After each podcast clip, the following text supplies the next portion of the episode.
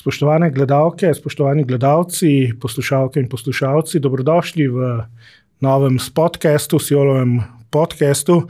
Naša današnja gostja je zunana ministrica Tanja Fajon. Dobrodošla. Pojasnila nam bo, kako se Slovenija znajde in giblje na svetovnem odru, in kako potekajo priprave na, največjih, na eno največjih zunanje političnih nalog v eh, prihodnjih dveh letih, priprave na prevzem nestalnega članstva v Varnostnem svetu Združenih narodov.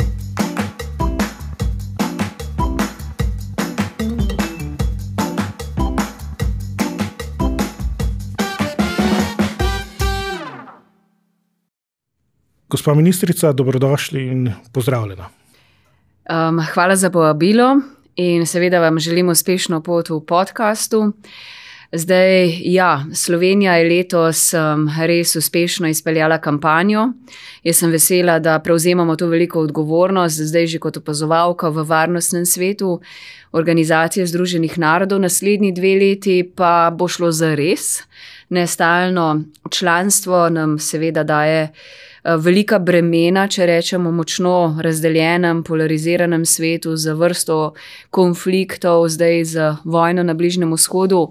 Tako da se bo Slovenija mogla spopasti zelo resno, imeti odgovore na številna svetovna žarišča. Mi se z ekipo res intenzivno pripravljamo, tudi mislim, da smo dobro pripravljeni, tako doma v Sloveniji kot v New Yorku. Jaz sem veliko investirala in tudi um, diplomatska mreža in ekipa v vzpostavljanje odnosov z lasti tam, kjer nismo imeli svojih predstavništv po svetu v zadnjem letu, da smo res. Poslušali, slišali, um, se spopadli z izzivi, tako vem, na globalnem jugu, afriški celini, to vse, kar nas naslednji dve leti čaka. In mislim, da vstopamo v varnostni svet v enem verjetno najtežjem obdobju te organizacije, ko je težko iskati soglasje, hkrati pa, ko imamo res novo žarišče na Bližnjem vzhodu. Naj eh, naši, našemu občinstvu poveva, da eh, ta podcast snimamo 5. decembra. V svetu se v zadnjem času v bistvu zelo veliko, zelo hitro eh, dogaja, tako da eh, če bodo objave minilo še kaj, eh, oziroma če se bo še kaj zgodilo, toliko da tudi naši, eh, naše občinstvo to ve. Um, Zdaj, omenili ste, najbolj akutna kriza je seveda trenutna kriza eh, na Bližnjem vzhodu. Eh, Izrael kaznuje Gazo zaradi eh, napada Hamasa 7. oktober, ki eh, je bil teroristični napad, to verjetno lahko rečemo. Pa vendar, eh, po nekaj dnevnem premirju se zdaj bombardiranje nadaljuje, smrtne žrtve med civilisti se nadaljujejo. Kako vi gledate to, eh, kar se zdaj dogaja eh, na Bližnjem vzhodu, in tudi kakšna je, oziroma kakšna bo vloga Slovenije pri reševanju te situacije? Um, jaz sem se pred dnevi vrnila z Bližnjega vzhoda, tudi um, iz New Yorka, kjer sem imela priložnost nagovoriti varnostni svet. Prvič kot opazovalka Slovenija svoj nastop na temo Bližnjega vzhoda. Um, razmere, zlasti v Gazi, so izjemno zaskrbljujoče. Jaz sem tudi zelo jasno rekla, da se mi zdi, da gre za um, to, da je svet padel na preizkušnji humanosti. Če gledamo, da imamo v Gazi danes na tisoče um, civilnih žrtev, um, nedolžnih civilistov pobitih, med njimi dve tretjini žensk in otrok. Um, gre za kršitve humanitarnega, mednarodnega prava in pa človekovih pravic. Um, vse, seveda, ima dolgo zgodovino, cel konflikt na Bližnjem vzhodu je res izjemno kompleksna situacija, um, ki je eskalirala po tudi lahko potrdim brutalnem napadu Hamasa na Izrael in zajetju izraelskih talcev. Na drugi strani imamo politične palestinske zapornike, um, regija, ki je šla čez mirovni proces. Že večkrat. Tako da zdaj sem imela predvsem priložnost se pogovarjati tako z izraelsko stranjo, kot z vrsto arabskimi voditelji, kaj lahko naredimo in kaj moramo narediti. Prvo, kar je ključno, je, da vzpostavimo stalno premirje. Zdaj, nažalost, se res so ti premori humanitarni zaustavili. tudi izmenjava zapornikov in um, talcev se je ustavila, to zdaj pred zimo, ko je uničena infrastruktura, če bolnišnice ne delujejo, če ni dostave elektrike, zdravil, če je ta humanitarna preskrba prekinjena, bomo res priča grozljivi človeški tragediji. Tako da se res tako Evropska unija na eni strani išče svojo enotnost, svoje prizadevanje usmerja v to humanitarno um, in trajno premirje, na drugi strani pa vzpostavitev pogojev za. Um, Bistveno bolj angažirane pogovore o rešitvi dveh držav in priznanje Palestine. Ta hip te pripravljenosti za takšne pogovore ni. Um, jaz upam, da bomo uspeli z mednarodnimi napori skupaj pripeljati do um, mirovnega načrta v več korakih, ki bo vodil k priznanju Palestine. To je še. Preden pridemo do mirovnega načrta, res, kot ste rekli, verjetno mora biti najprej vsaj ena trajna prekinitev ognja. Um, rekli ste tudi, da prizadevanja potekajo, ampak so dovolj odločna, bi mogoče Evropa morala biti bolj odločna. E, nekateri pozivajo tudi k sprejetju določenih sankcij proti Izraelu, ki da je prekoračil svoje to, pravico do samoobrambe, do sil obrana, če tako rečemo. Predvsem imamo zdaj strinjanje uh, v vsaj treh osnovnih usmeritvah, to je, da nikakor um, ne smemo pristati na prisilno preseljevanje palestincev v Gazi, zmanjševanje dogaja. enklave, tudi ne, da se Gaza pretrga z Zahodnim bregom. Um, bistveno večji angažma Evropske unije si želimo, kar je seveda izziv, je, da na eni strani um, Zahodni breg imamo um, nadaljevanje nasilja izraelskih naseljencev. Tudi izraelska vlada je, in kar sem tudi tedni obsodila, napovedala nove gradnje judovskih naselij. Um, na Zahodnem bregu je palestinska oblast izjemno šipka. Kar moramo mi vzpostaviti, je um, najprej po trajnem premirju, kdo bo tisti, ki bo prevzel kontrolo in oblast na eni strani nad Gazo, in seveda, kako upolnomočiti palestinsko oblast. Če želimo mi trajno vzpostaviti mirno sobivanje Izraelcev in palestincev v tem območju, so to zelo hm, kompleksne rešitve, ni dovolj samo jutri enostransko priznanje palestincev. S tem ne bomo dosegli varnosti ne enih, ne drugih um, ljudi v regiji. S tem se tudi strinja arabski svet, veliko se pogovarjam uh, z arabskimi voditelji in predvsem arabski sogovorniki bodo morali prevzeti ta del odgovornosti tudi za um, nadzor delovanja sistema v Gazi in pa seveda potem opolnomočenja palestinske oblasti. Tudi na izraelski strani so seveda izzivi ob trenutni aktualni vladi in um, pravim, poteka tako tiha kot vidna diplomacija, res velika prizadevanja, da bi prišli do situacije, ko lahko govorimo um, o rešitvi dveh držav. Danes se bistveno bolj vsi strinjamo okoli tega kot pred um, 7. oktobrom, nismo pa še tam.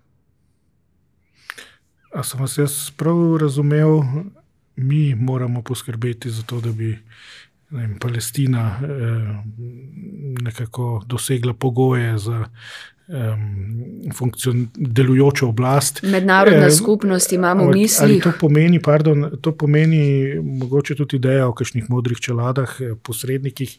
Izrael verjetno nekaj takega ne bi pristal. Ta hip, tudi, ta hip je v obtoku veliko idej, predvsem ali bo to nek. Um, neka mednarodna v kombinaciji z gotovo z arabskim svetom. Sprašujem vas zato, ker ste navzoča sila. Pravim, da je kroži. Um, veliko idej, uh mhm. -huh. še enkrat, um, Jordanci, recimo z američani, sestavljajo en mirovni načrt z različnimi formulami. Um, tudi Evropska unija ima svoje pristope in korake, vsi pa peljajo v smer, kako najprej bo potrebno verjetno eno obdobje, je to pol leta ali eno leto ali nekaj mesecev, da se vzpostavi nek varnostni sistem, ki bo zagotovil varnost.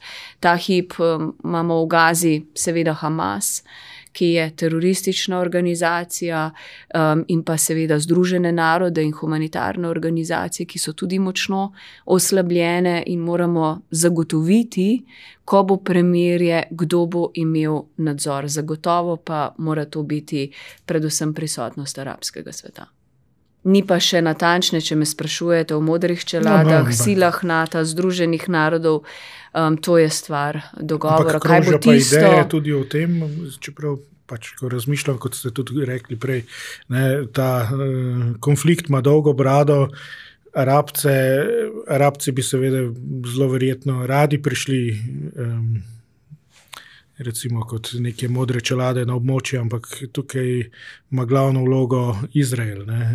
Predvsem bi jaz rekla, ima glavno vlogo um, lahko organizacija Združenih narodov, ki zagotavlja mir in varnost. Tu smo imeli v preteklosti več resolucij, ki tudi govorijo o rešitvi dveh držav oziroma priznanju Palestine um, na mejah iz um, preteklosti skupaj z Gazo in um, Zahodnim bregom.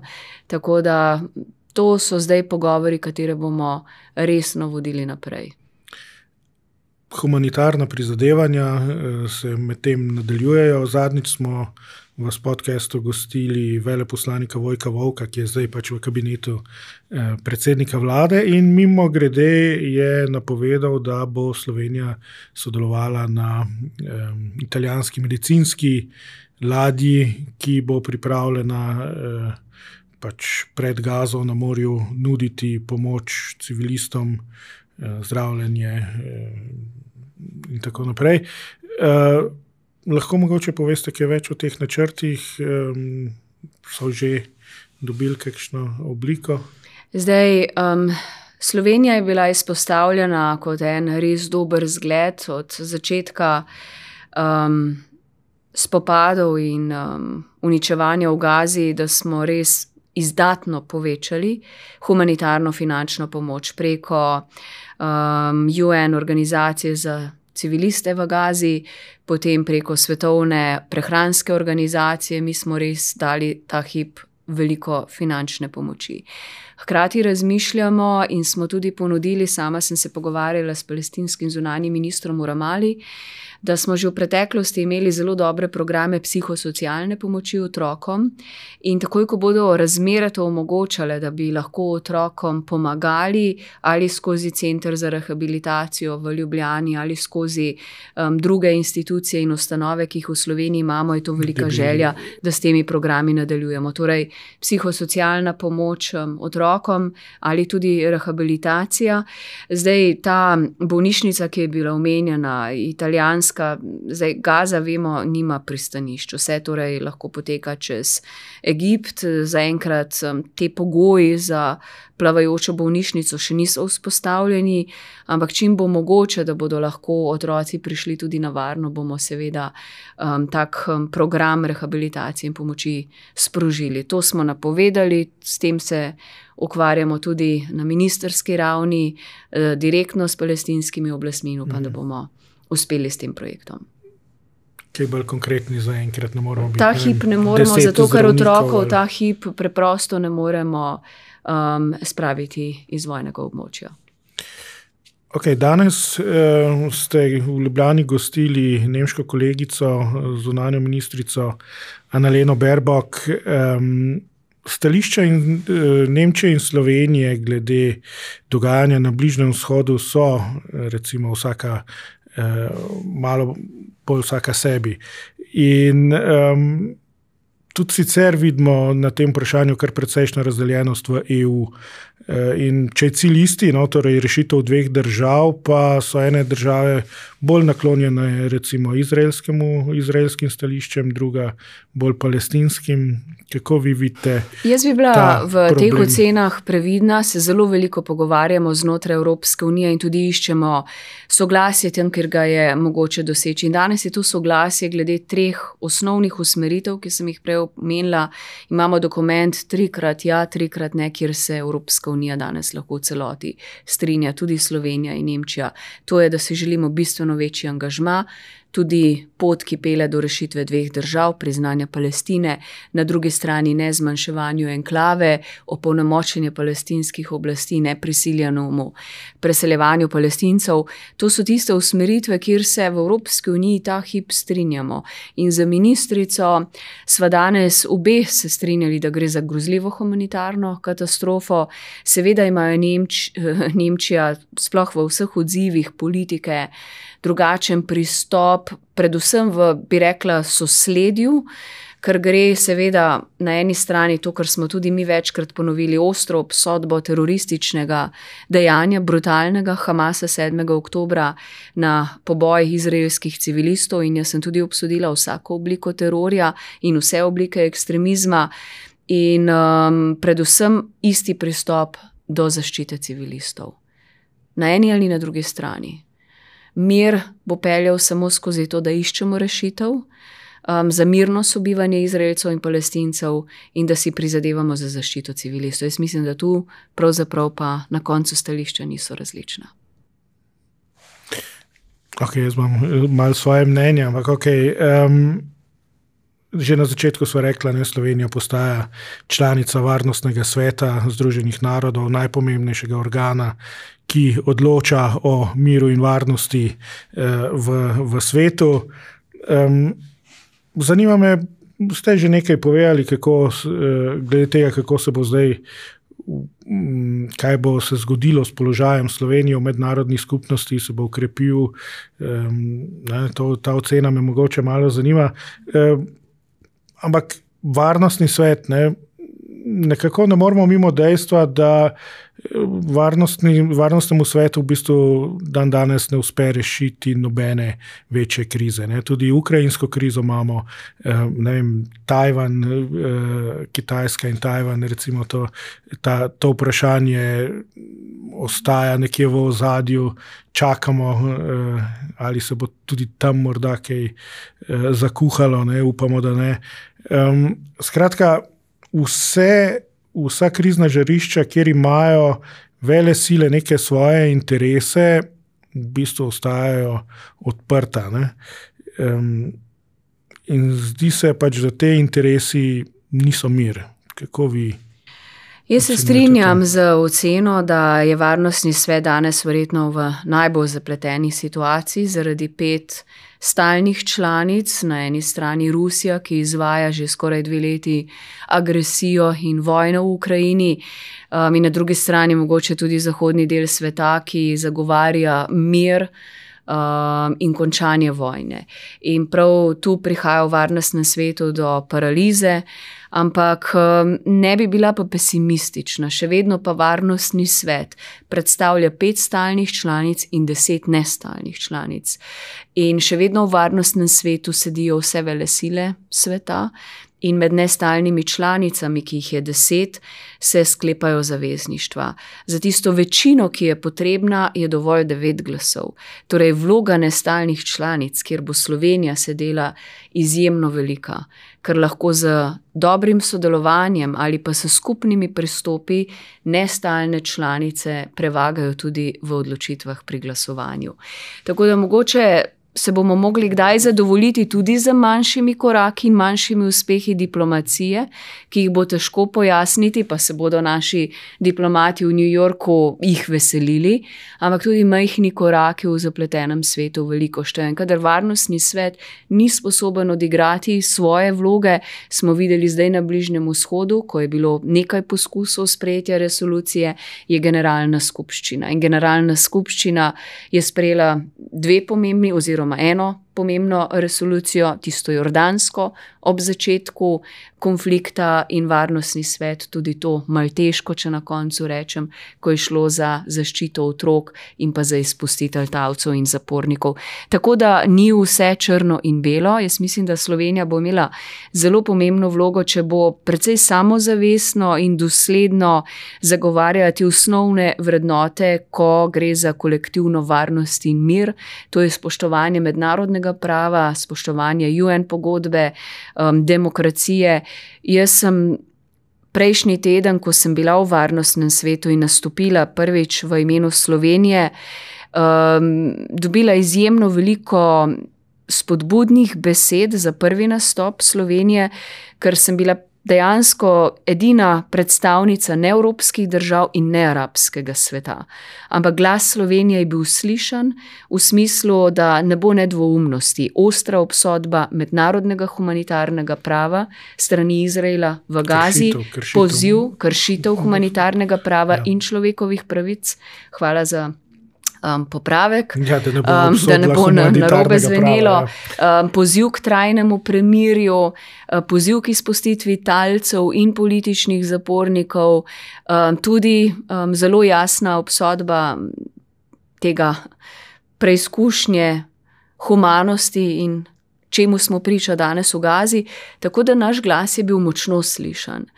Mogoče bistveno bolj v teh svetovnih krogih, kot doma. In tu se mi zdi, če bomo znali samozavestno s to dosledno politiko, ne politiko, ko na marsikdaj kdo reče, boste sledili ameriškim interesom, ampak boste sledili ne vem katerim interesom tu, če bomo sledili svojim ciljem in interesom, in to je zagotavljanje miru in varnosti. Kar je naše vodilo v varnostnem svetu, potem mislim, da bomo lahko naslednji dve leti zadovoljni. Prej greva na te eh, notranje, notranje politične glasove, um, bi mogoče se vendarle ustavila še pri ukrajinski krizi, verjetno še večji krizi, eh, kot je eh, trenutna na Bližnjem vzhodu, ki pa je zdaj rahlo izginila iz naslovnic. Um, in ukrajinska kriza bo prihodnji teden ena glavnih tem na vrhu EU ampak spet se že krepijo pozivi vem, k zmanjšanju pomoči, um, k temu, da mogoče bi pa Ukrajina uh, morala narediti, uh, se morala začeti pogajati o nekem separatnem miru in tako naprej. Um, kako vi gledate v bistvu na to situacijo, kaj se dogaja zdaj v Ukrajini? Omenili ste že, da uh, jasno ste povedali, da gre za rusko agresijo. Um, pa vendar, kje smo, kam gre vse skupaj. Um, naša pomoč Ukrajini se nadaljuje, nedavno ste tudi z uh, veleposlanikom ukrajinskim podpisali še nek uh, dogovor o dodatni humanitarni pomoči. Ja, februarja bo um, žal že dve leti od začetka. Ruske vojne v Ukrajini, dve leti je dolgo obdobje, spopadi se nadaljujejo, pripravljenosti za mirovno formulo za začetek pogajanj, um, ta trenutek ni. In jaz se bojim, da smo priča enemu daljšemu zamrznjenemu konfliktu, ki praktično izčrpuje obe strani. Ampak gre za, to je treba jasno vedno povedati, ne? tu gre za um, poseganje v ozemeljsko celovitost in soverenost države, za spreminjanje mednarodno priznanih meja in če bi res um, želeli pravičen in trajen mir v Ukrajini, moramo upoštevati ta dejstva. Um, tudi slovenke in slovenci smo imeli svojo zgodovino in vemo, kaj pomeni, če ti kdo želi silo in orožjem spreminjati meje in oduzemati ozemlje. Zato tudi Slovenija od vsega začetka razume in podpira um, prizadevanja Ukrajine na eni strani, da si zagotovi nazaj svojo ozemeljsko suverenost in celovitost in vzpostavi mir. Mi smo um, pomagali Ukrajini tako v začetku vojaško, glede na naše zmogljivosti, materialno, humanitarno in bomo dokler. Uh, bo to mogoče tudi v povojni obnovi Ukrajine, bomo sodelovali tudi, seveda, naša podjetja, um, je kar velik interes in tudi um, zanimanje. Smo pa res podpisali pred kratkim, pravzaprav na drugi strani je bila podpredsednica ukrajinske vlade, um, nov dogovor o milijonu in pol evrov pomoči za um, humanitarno razminiranje. Tudi to bo izjemno pomembno, seveda pa si, si vsi želimo, verjetno pa Ukrajinci najbolj, da bi se vojna končala. Se pa bojim, glede na razmere tam na bojiščih in situacijo, zima prihaja, da se bo ta konflikt in ti spopadi še nadaljevali in smo priča enemu mogoče daljšemu zamrznjenemu konfliktu. Hkrati se povečuje tudi, lahko bi rekli, neka utrujenost um, od te ukrajinske vojne, tudi v Evropi. Vidimo, um, mačarski premijer Viktor Orban, uh, če dalje bolj glasno poziva. Recimo temu, kar proti Ukrajini, na Slovaškem je prišlo eh, tudi do zamenjave vlade. Robert Fico se je vrnil nazaj na, na čelo vlade, zmagal pa je tudi z eh, v bistvu obljubami, da bo končal pomoč eh, Ukrajini. Eh, nasploh se zdi, da se recimo te eh, glasovi krepijo. Um, če dodava zraven še vem, težavo z migracijami, um, neka skrajna Eh, politika se krepi. Eh, na nizozemskem smo bili eh, pred kratkim priča tudi zamenjavi oblasti, oziroma zmagala je skrajna desnica z Gertom Wildersom na čelu, alternativa za Nemčijo se krepi. Kam gremo? Um, to, kar ste omenili, Orbana, ki grozi za finančno blokado v Ukrajini ali um, Fica in spremenjeno retoriko um, do um, vojne v Ukrajini, odpira vrata um, agresorju, predvsem Rusiji in Putinu, odpira vrata avtoritarnim režimom. In to je tudi posledica za poraz lahko skrajne desnice, um, ki je nevarnost predvsem demokraciji. In demokracija je tisto, kar je naš sistem, kar je sistem Nemčije, kar so vrednote Evropske unije in demokracije so ranljive. Um, demokracije bomo lahko samo zavarovali tako, da um, naredimo naše družbe odporne in se zoprstavimo um, tej nevarni, nacionalistični, agresivni um, retoriki. Tako da jaz bi rekla, da je zelo nevarno početje, če priznavamo legitimnost ruske vojne v Ukrajini. In če to dela lahko Orban ali kdo drug od um, evropskih voditeljev, s tem, da mogoče na račun najave blokade finančnih sredstev skuša trgovati za kakšne druge ugodnosti, to tudi ni a la carte politika Evropske unije. Smo zagotovo v izzivih, kako prepričati um, ljudi, kaj pomeni demokracija, kaj pomeni pravna država, kaj pomeni svoboda medijev, govora. To so temelji in vrednote, na katerih Evropska unija stoji. In seveda vsak tak um, poskus. Um, Krhanje teh vrednot um, pomeni krhanje naše demokracije in osnovnih svoboščin. Ja, ampak nekaj bo treba tudi bolj odločno, verjetno, narediti, ne? tudi eh, na evropski ravni. Ne?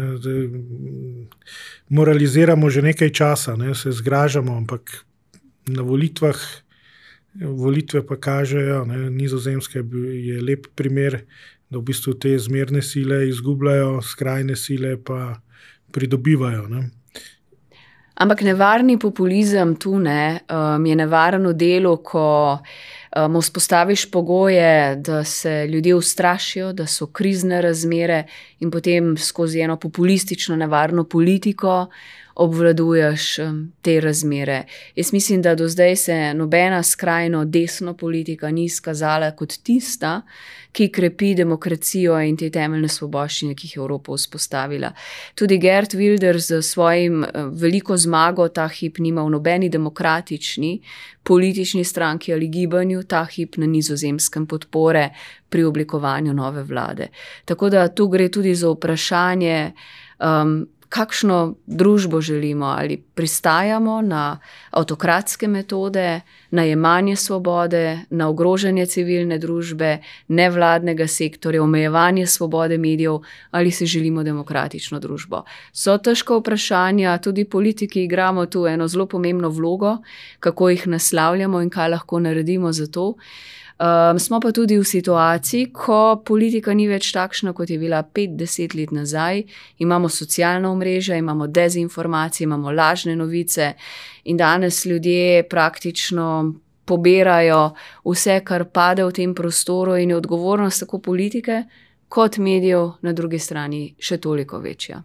Pa jaz bi vseeno rekel tudi ljudi samih, e, ker že že ne, Gert Wilders ja, je v bistvu ena oblast, oziroma dobil je največ glasov, e, zmagal je na volitvah, ljudje so ga izvolili. Ne, ni, nek samodržec. Ne. Tudi ni prišel do, do tega položaja ne vem, z nekim hudim manipuliranjem eh, v medijih, preobratno. No, veste, ko gre za migransko politiko, smo v preteklosti bili priča izjemnim manipulacijam te teme v medijih. In prav na tem je Gert Wilders pridobival svoje točke. Neizozemska družba se je izjemno spremenila iz odprte tolerantne družbe, v izjemno zaprto družbo, tudi verjetno zaradi migracij, ampak tudi zaradi veliko krat zlorabljene te teme in ustrahovanja ljudi. Um, na račun. Nekako se spodbujajo tiste najbolj um, prvobitna čustva, strah pri ljudeh, ne, in seveda. Um, Treba je pa iskati odgovore, kako v bistvu temu vem, kontrirati, kako ja, zaščititi demokracijo v končni fazi. Ne? Ampak um, zdi se mi, da se to dogaja v bistvu tudi pri nas, zdaj v, v zadnjih tednih, mesecih.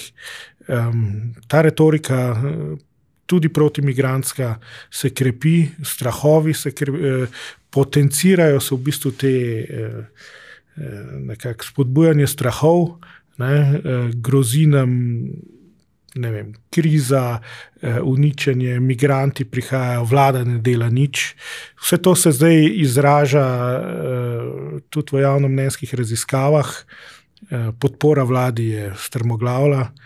Predvsem na račun no, gibanja Svobode se je podpora voljivcev precej zmanjšala, vi, socialni demokrati, mogoče imate nekje stabilno podporo, eh, po nekaterih se vam še celo mogoče malo eh, zvišuje, ampak dvomim, da ste zadovoljni eh, s temi številkami. Kako v bistvu gledate tudi na to situacijo pri nas? Rekli ste prej, nismo še tam. Ampak, eh, kar, um, kar gremo nekako hitro, tudi vse te, če lahko malenkost pokomentiram, tudi vse te dogodki, ne, vzpostavljanje platforme sodelovanja, oziroma eh, neki dodatni koraki v tej smeri, eh, premiki na planet TV, kamor je prišel za odgovornega urednika, recimo eden od vidnih članov prejšnje oblasti, ko je vladni PR-ovec eh, v bistvu prišel za prvega novinarja neke televizije, ki želi biti eh, neodvisna. Ne. To um, kaže, da se ena določena politična opcija že pripravlja na še dodatno zaostritev um, retorike, na prečasne volitve, mogoče. Kako vi gledate v bistvu na dogajanje eh, zdaj pri nas? Ste tudi predsednica socialnih demokratov, tako da. Zdaj, jaz um, sem vesela vsake kritike, dokler je ta argumentirana in vsakega pogovora in dialoga, ki vodi k iskanju nekega kompromisa, rešitve s ciljem, da se izboljša življenje ljudi. Zdaj, v Sloveniji, seveda, zadnje leto, ko smo um, v koaliciji skupaj v vladi, je bilo težko leto, ne skrivam, težko leto ki smo ga ne samo z konflikti, vojno, z energetsko prehrambeno krizo po COVID-u um, šli skozi, na koncu še um, izjemne katastrofalne poplave. Tako da smo se zelo spopadali z interventnimi zakoni, z nabiranjem denarja za sanacijo poplavah, s pripravljenostjo na izjemne vremenske razmere in um, Čeprav smo od začetka mogoče želeli se veliko potezno lotiti od zdravstvenega sistema, sociale, stanovanske politike, pokojnin, plačnega sistema, um, res ambiciozno, se je izkazalo, da za to res ne samo, da potrebujemo več časa, ampak bistveno širši družbeni konsens in da je mogoče boljše delati manjše korake z rezultati, kot napovedovati velike zgodbe, in rezultatov pravočasno ni. Tako da, ja, to je tudi posledica zagotovo paca priljubljenosti vlade, še nikoli nobena vlada, zlasti v takih razmerah, kot so mogoče bile tudi izredne v Sloveniji. Bom rekla, zaradi vremenskih razmer, da ne bo robe razumljeno, da um, je obdržala dolgo priljubljenost. Ampak to me ne um, jemlje energije, ker vsaj naša ministerska ekipa um, od gospodarstva, kohezije, pravosodja do zunanjih zadev, mi se trudimo, mi si želimo delati, ne iščemo in ne ustvarjamo konfliktov, želimo, da ta vlada dela zato, ker je bila um, tudi izvoljena in dobila mandat ljudi.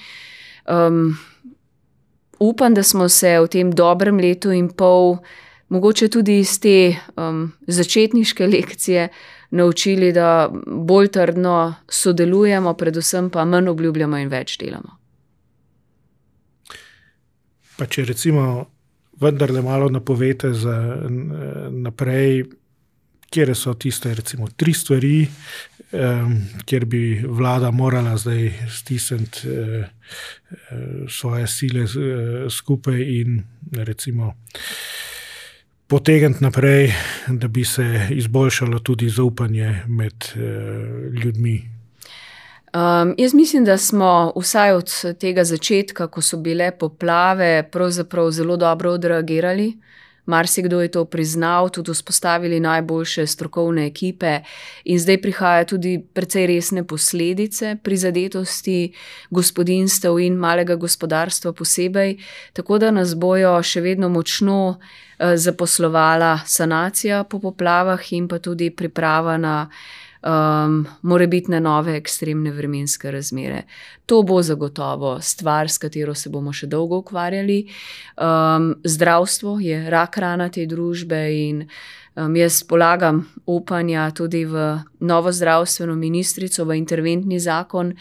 Um, v spremembe na zdravstvenem področju. Mi smo um, dali kar veliko svojih predlogov, imamo močno zdravstveno ekipo s ciljem, da se ohrani in ukrepi javno kakovostno zdravstvo.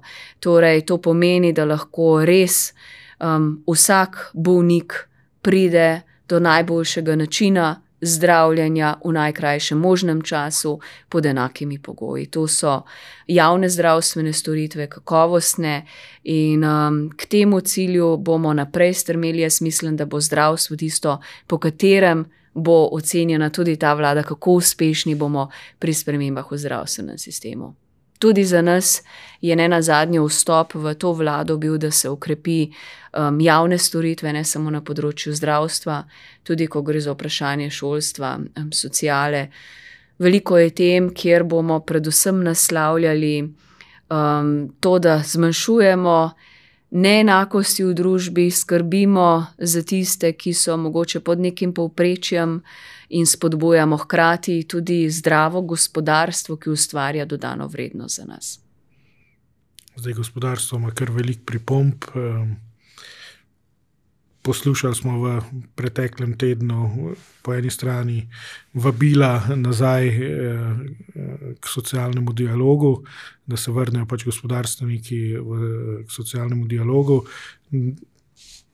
pa hkrati takoj odgovor, da bistvu zaupanja strani gospodarstva ni, kako tudi tukaj mogoče narediti še en korak.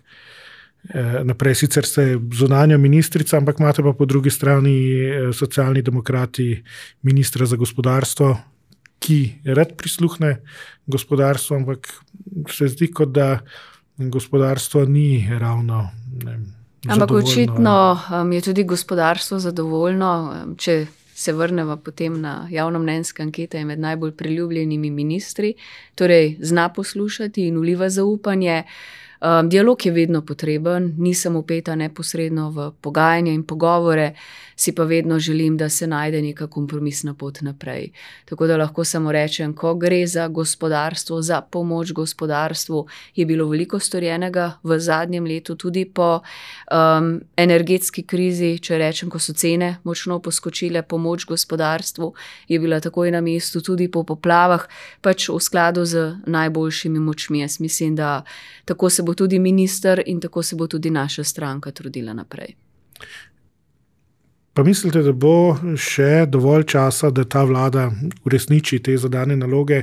Konec koncev imamo eh, naslednjo pomlad, nas čakajo nove volitve. Eh, volitve v Evropski parlament, lahko tudi tukaj že kaj morda napoveste, se socialni demokrati že eh, pripravljate tudi na te volitve. Razmišljate morda o kakšnem sodelovanju s kakšno drugo stranko? No, naša prioriteta je, da vlada dela stabilno in trdo v dobro ljudi in tako bomo socialni demokrati v tej vladi ravnali. Torej, um, ne gledamo ali nam ura tik taka, ampak delamo. In to bomo delali naprej. Enako se pripravljamo na evropske volitve, ampak to je pač um, zgodba, če jaz rečem, meni blizu, glede na to, da sem vsaj tri mandate bila izvoljena v Evropski parlament, tudi s preferenčnimi glasovi, tu imamo socialni demokrati dobre izkušnje, dobro znanje in tudi dobre kandidate. Tako da bomo pač 20 let bo od um, vstopa Slovenije v Evropsko unijo, imeli bomo pomembno obletnico, drugo leto, ko bodo Evropske um, parlamentarne volitve, hkrati imamo eno mesto več uh, kot Slovenija, devet. Um, jaz mislim, da. Um, bomo predvsem morali ljudi prepričati, zakaj je pomembno iti in dati glas, ker imamo vedno nizko udeležbo, um, da so evropske teme enako pomembne, vse, kar se dogaja, se dogaja povezano in Slovenija ima svoj glas ki ga lahko um, za pridom uporablja, če ve, kako znotraj Evropske unije. Tako da jaz mislim, da rabimo močno in povezano Evropo, bistveno bolj kot kdajkoli prej, in zato bojo mogoče te volitve v tem oziru, tudi 20 let po vstopu Slovenije v članstvo, lahko bistveno bolj zanimive, če bomo ljudem znali predstaviti, kje je danes Evropska unija, kje je vloga Slovenije v njej, nikakor si pa ne želim da bi bile te evropske volitve preizkušnja delovanja vlade in političnih strank, ker gre ne na zadnje za to, koga izberemo, da bo um, tudi poslanec Slovenije v Evropskem parlamentu in odločal o evropskih politikah. Tukaj bo verjetno zelo pomembna vloga nas medijev, ne? kako bomo tudi mi, kakšno vprašanje bomo postavljali kandidatom. Ne? Ker um, evropske volitve se dosti krat. Um, v bistvu pokažejo kot še ena notranja politična bitka, kjer pravzaprav zmagujejo kandidati, ki imajo največ, eh, recimo, temu notranje političnega kapitala in gredo potem na evropski. Eh, parket, kjer jim pa mogoče kdaj tudi kaj zmanjka. Ne. Sami ste rekli, ste bili eh, trikrat izvoljeni. Um, pa ko ste bili prvič, pa s tem, da ste bili takrat tudi, uh, ste imeli znanje kot dopisnica RTV-ja uh, v Bruslu in ste pokrivali evropske teme, ampak ko ste postali evropska poslanka, kako je bilo to? Je, če primerjate z nacionalno politiko, nekaj povsem drugačnega ali je v bistvu korak naprej? Um. Je drugače, seveda, mogoče se čutiš odtujenega od domače slovenske to. politike pa po svoje nisi, zato ker moraš delovati povezano z odločitvami doma. Uh, mogoče je tu dosti krat tudi v Sloveniji napačno razumevanje, da to, kar se politika odloča v Bruslju, se odloča pravzaprav slovenska domača politika. In če mi vemo, kakšen je interes Slovenije, potem bomo znali tako tudi ravnati. Dosti krat pa temu nismo bili priča v preteklosti. Ne bi niti rekla, da se izkažejo tisti, ki pridejo kot um, izkušeni kadri v slovenski domači politiki, v Evropski parlament kot najboljši. Jaz nisem imela te izkušnje, sem se pa uspela izkazati tam in se potem uspešno vrniti domov.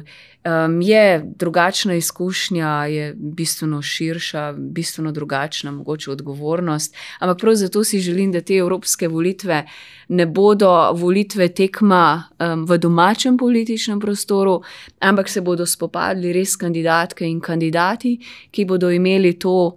Um, mednarodno dimenzijo, da bodo znali nastopati um, in zastopati um, Slovenijo tudi v tej širši evropski politiki. Čeprav problem je ravno v tem, ne, da veliko voljivcev razmišlja o tem, da so to evropski poslanci bi morali v prvi vrsti zastopati interese Slovenije, da so to predstavniki Slovenije. Pa v bistvu niso, ne? to so predstavniki Evrope, vseh nas. Um, tako da tukaj, kot rečeno, bo verjetno vloga nas medijev, da probamo to optiko tudi naravnati bolj. Um, V bistvu razložiti, kaj Evropska unija za nas je, da Evropska unija smo mi, ne nekdo eh, tam od zunaj. Ne? Ko dosti krat slišimo, Bruselj od nas zahteva, NATO od nas zahteva. E, mi smo, to smo mi. Ne? Mi smo dvignili roko e, in smo soglašali s tem. Ne? Zdaj, veliko krat um, se doma pojavi to, Evropa nam je rekla, Bruselj nam je rekel, Evropa je za to kriva. Mi sami smo krivi, če ne vemo, kaj hočemo delati, ali pa da se ne odločimo, kakšne odločitve sprejmemo. Ali pa jih v preteklosti gredo mimo nas, smo sprejeli, pa se potem sprašujemo, zakaj nam Evropa tako pravi. Zato pravim, da je treba razumeti ta ustroj, da je zapleten ustroj, ni enostaven, ampak um, če vemo, kaj želimo.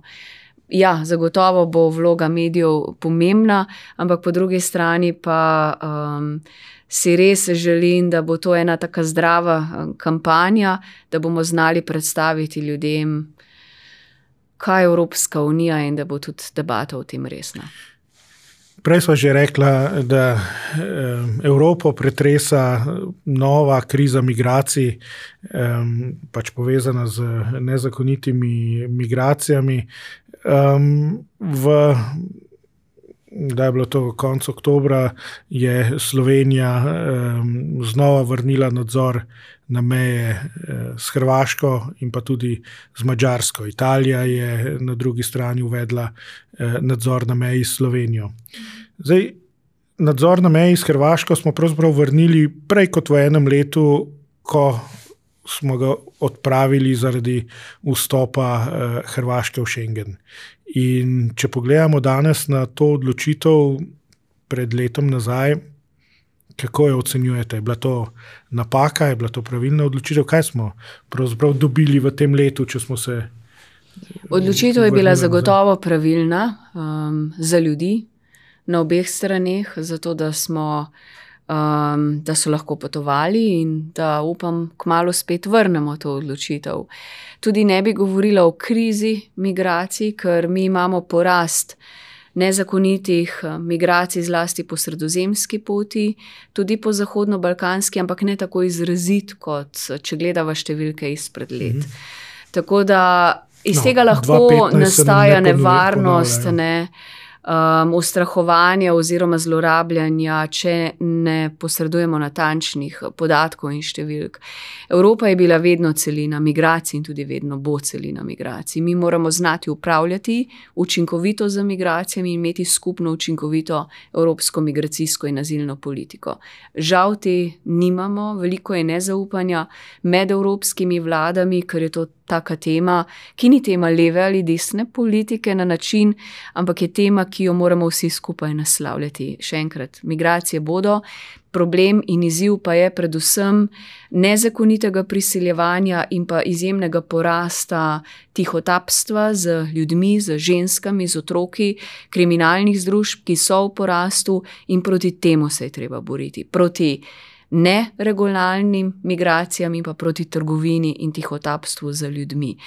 Um, to pomeni varne zunanje meje na eni strani, sodelovanje z državami izvora, zakaj ljudje sploh imajo razloge, da bežijo, zagotavljanje tudi zakonitih poti priseljevanja, na drugi strani pa um, varen šengenski prostor. Danes pa, kot ste sami rekli, smo res v situaciji, da veliko držav ima notranje zapore na mejah, da je šengen ogrožen. In jaz sem tudi večkrat v zadnjem obdobju rekla, rabimo obnoviti Schengen, to je temelj razumevanja, povezovanja med ljudmi in upam, da bomo čimprej tudi v situaciji, ko bomo lahko, mislim, da nam je vsem v interesu, tako Italije, tudi Avstrije, Mačarske in Slovenije odpravili notranje kontrole. To pomeni skupno sodelovanje policijskih patrulj, pomoč Frontexa na hrvaški zunanji meji, sodelovanje vzdolž zahodno-balkanske migranske poti in pa um, skupen boj proti nezakonitemu priseljevanju. Kako pa ocenjujete položaj na Zahodnem Balkanu, no, ko ste ravno govorili tudi o tem, kako vplivajo migracije na celotno situacijo v regiji? Po eni strani se zdi, da se tukaj stvari nikamor ne premaknejo. Če smo pred enim letom, kako bi rekel, proslavljali, da je Bosna in Hercegovina dobila nek korak naprej v evropski perspektivi se v bistvu zdaj leto dni kasneje ni zgodilo praktično nič, neko obljubo o začetku pogajanj, eh, oziroma to naj bi obravnavali šele marca, če sem prav razumel. Tudi situacija med Kosovom in Srbijo se ne razpleta, kvečemo obratno. Vse skupaj je to del neke, neke globalne zgodbe, tudi tukaj se verjetno križajo interesi vele sil, medtem pa nek zagon ne vem, o tem, da je, da je Zahodni Balkan neka geostrateška regija, pomembna za Evropsko unijo, se pogovarjamo že vem, več kot deset let, pa se kar nič ne zgodi. No, migracije zagotovo niso tista tema, ki danes um, nas zaposluje v pogovorih na Zahodnem Balkanu, ker še enkrat nismo v takih izrednih razmerah, absolutno ne. V nekaterih državah um, Zahodnega Balkana niti ni migracijske poti, ampak um, je pa res, da se 20 let ukvarjamo s širitvijo na Zahodni Balkan in da marsikde, kje. Um, Ljudje izgubljajo preprosto upanje, da bodo vstopili v utrujenost. Ampak um, posledično po ruski agresiji, vojni v Ukrajini, se je obudil ta občutek geostrateške nujnosti, a pa politični trenutek, da rabimo Evropo bistveno bolj povezati, tudi razširiti, in da moramo razmišljati mogoče malce.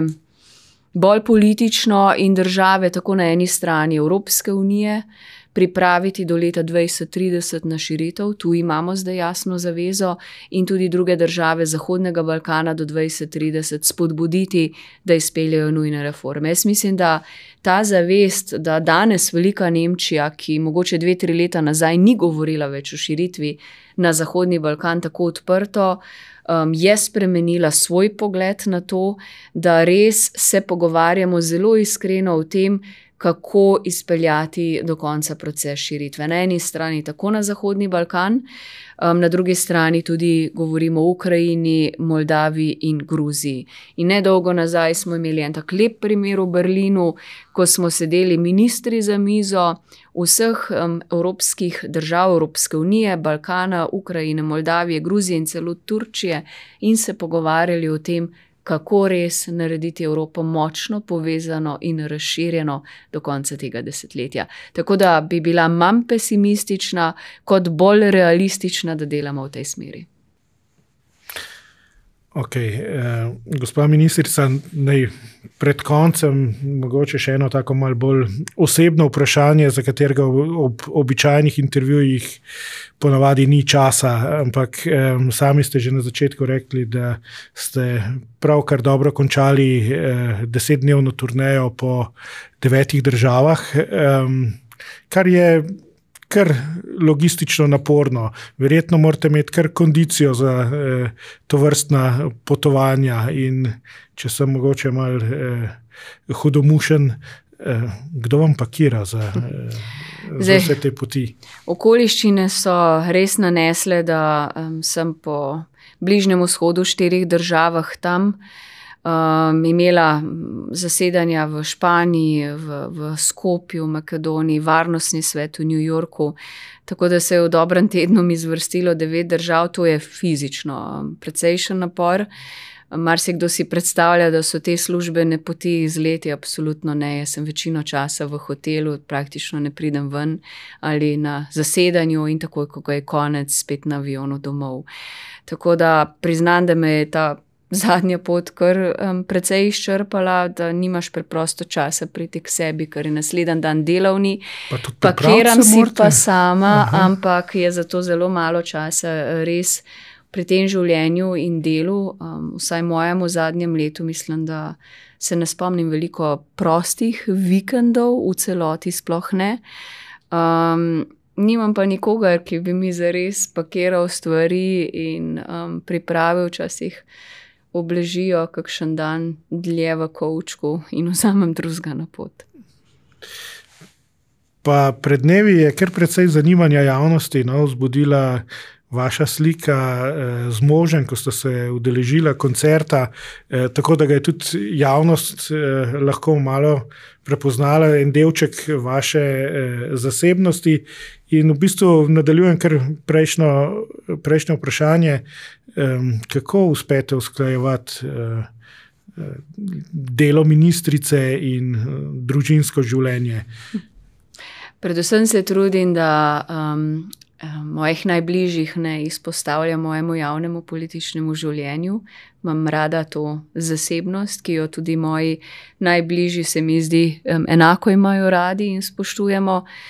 Um, to moje življenje je zelo izpostavljeno, veliko je tudi grdih, nizkotnih udarcev in takih, ki prizadanejo najbližje. Včasih ni enostavno um, za tisto okolico, ki te dobro pozna. Um, moraš imeti trdo kožo, ampak ja, zasebno življenje je pa. Um, moraš imeti partnerja, ki ima posluh za tako življenje. In mi dva so se dobro znašla, se poznava več kot 20 let, veva, kje so tista um, najna pričakovanja, omejitve. In se mi zdi, da mogoče celo lažje sobivava s takim načinom življenja, kot kdo, ki se gleda vsak dan. Gospa ministrica, najlepša hvala za eh, pogovor in vaše sodelovanje v Sijolovem podkastu. Vam, drage gledalke in gledalci, pa eh, hvala lepa za pozornost in nasvidenje do naslednjič. Hvala za povabilo.